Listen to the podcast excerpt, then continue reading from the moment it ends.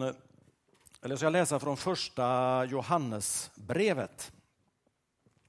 Eh, kapitel 1, vers 5-7.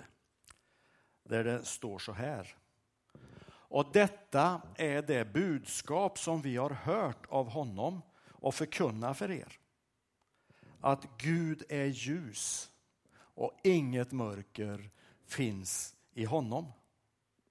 Om vi säger att vi har gemenskap med honom men vandrar i mörkret ljuger vi och handlar inte efter sanningen. Men om vi vandrar i ljuset liksom han är i ljuset, då har vi gemenskap med varandra. Och blodet från Jesus, hans son, renar oss från all synd. Amen.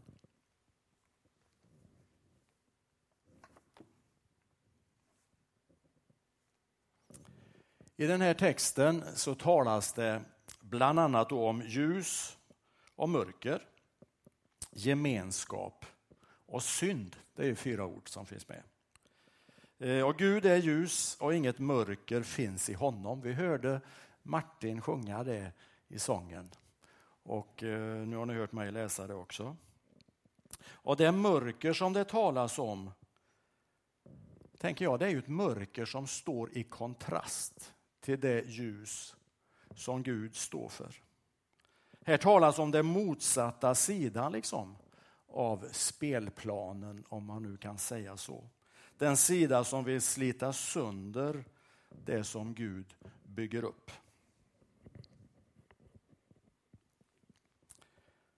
Jag tänker att det är det mörkret som skapar trasiga människor.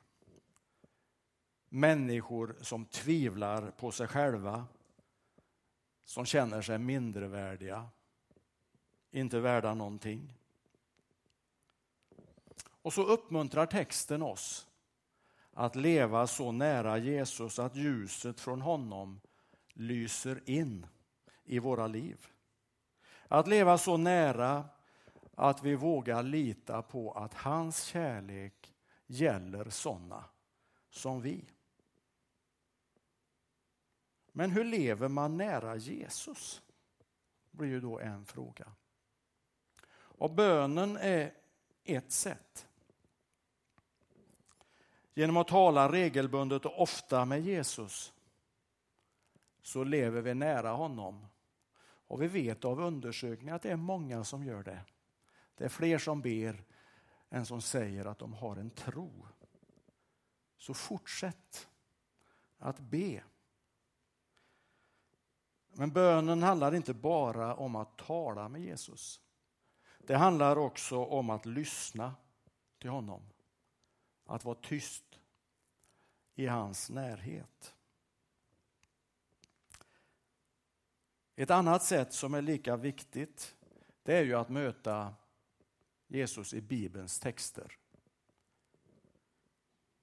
Läs ett evangelium, till exempel Johannes evangeliet kan man läsa. Ett litet stycke om hur Jesus möter människor, vad han säger. Och så låt sedan det du har läst liksom få tala till dig. Väcka dina tankar, funderingar. Låt texten få forma dig, leda dig. I texten jag läste så talas det om att vandra i mörkret. Och på något sätt så får man känslan att författaren menar att man vandrar i mörkret och man säger att man tillhör Jesus men undviker liksom att umgås med honom i bön, bibelläsning på andra sätt. Och det som händer då, det är ju det att det blir andra krafter som påverkar hur vi ser på oss själva, vad vi drömmer om och vad vi längtar efter. Jag var för ett år sedan kanske, jag minns inte riktigt, jag var nere på Stora hotellet här i Jönköping på en föreläsning. Det var länsstyrelse, polis, lite olika som hade bjudit in. Och så var det en man från, eh, han jobbar med något som heter Öckeröprojektet tror jag. Öckerö ligger utanför Göteborg. Det handlade egentligen om ungdomars eh, användande av alkohol och droger i första hand. Det var det som hans projekt gick ut på. Men det han sa där, det var att han talade om ungdomar som att när man är barn, när man är liten, så tittar man in i mammas ögon och så möter man den villkorslösa kärleken. Men det som händer sen när tjejer kommer upp i ungefär 12-årsåldern, det är att de vänder bort blicken från mammas ögon och så börjar man titta på annonspelarna istället, reklampelarna om hur man ska vara för att räcka till. Och för killar så kommer det här lite senare, några år högre upp i åldern. Och det tänker jag att man skulle kunna säga att det är att vandra i mörkret. Att finnas i en miljö som inte vill en gott. En miljö som vill göra en osäker. Börja tvivla på sig själv. Ett sammanhang som får mig att se ner på mig själv. Gud är ljus och inget mörker finns i honom, läste vi. Och det ljuset vill avslöja de här sammanhangen, de här miljöerna. Och Jesus vill visa dig sin kärlek. Relationen till Jesus fungerar som alla andra relationer. Man behöver tid tillsammans för att lära känna varandra. Och när man ger varandra tid så visar man också att man är viktig. Eller att du är viktig för mig. Du är viktigare för mig än mina intressen. Man kan också se i den andres ögon att man är okej okay som man är. Inte perfekt kanske. Inte felfri. Men okej. Okay. Texten talar också om gemenskap. Och det grekiska ordet för det här gemenskap det är koinonia. Det är väl inte jätteviktigt att veta. Men det betyder gemenskap med någon. Det betyder delaktighet. Men i ordets betydelse lägger också hjälpsamhet. Att göra det till någons förmån. Och då förstår vi att det handlar, den här gemenskapen handlar om att leva ganska nära varandra. Och en av de texter i Bibeln i Nya Testamentet som människor ofta citerar när man pratar om församlingen finns i Apostlagärningarnas andra kapitel, vers 42. Och där står det då så här, och de deltog troget i apostlarnas undervisning och den inbördes hjälpen i brödbrytandet och bönerna.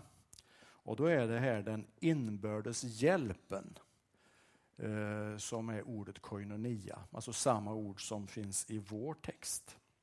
Det är den sortens gemenskap, den sortens delaktighet att ställa upp för varandra som Jesus bjuder in oss till. Och därför kan man liksom inte leva på sin egen kant lite sådär. Under de senaste, eller det senaste årets restriktioner som vi har haft nu vi har haft det så länge så man minns ju knappt hur, hur livet var innan restriktionerna. Eh, men det är många som upplever just nu att man har hamnat liksom utanför gemenskapen. Tidigare så kanske man inte har förstått ens hur viktiga de kontakter har varit som man då hade helt naturligt hur mycket andra människors blickar betyder för att man ska kunna må bra.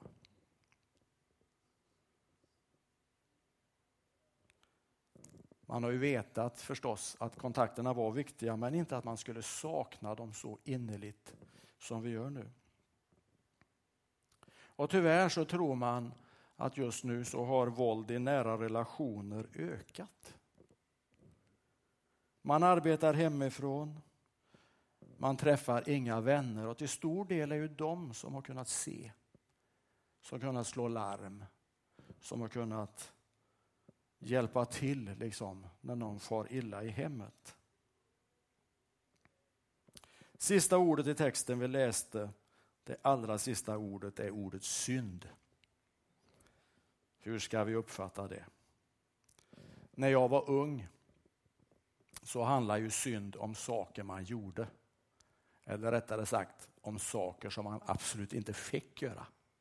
Kanske snarare så där som man kunde nästan tro att det viktiga var vad man inte gjorde eller vad man undvek. Kunde man nästan få känslan om man skulle vara en god kristen. Men synd, tänker jag, det handlar på något sätt om bortvändhet från Jesus. Synden är det mörker som för oss vilse. En av de gamla kyrkofäderna har sagt att synd är att vara inkrökt i sig själv. Ja, det är ju ganska lätt att hamna där. Det ligger så nära till att vara fullt upptagen med sig själv och sitt eget. Och till det kommer också den här jämförelsen med andra. Som är på något sätt en ojämn kamp där man alltid ligger i underläge.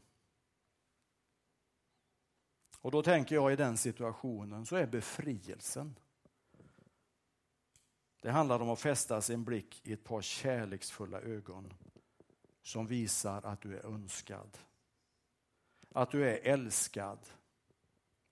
Att du är uppskattad för den du är.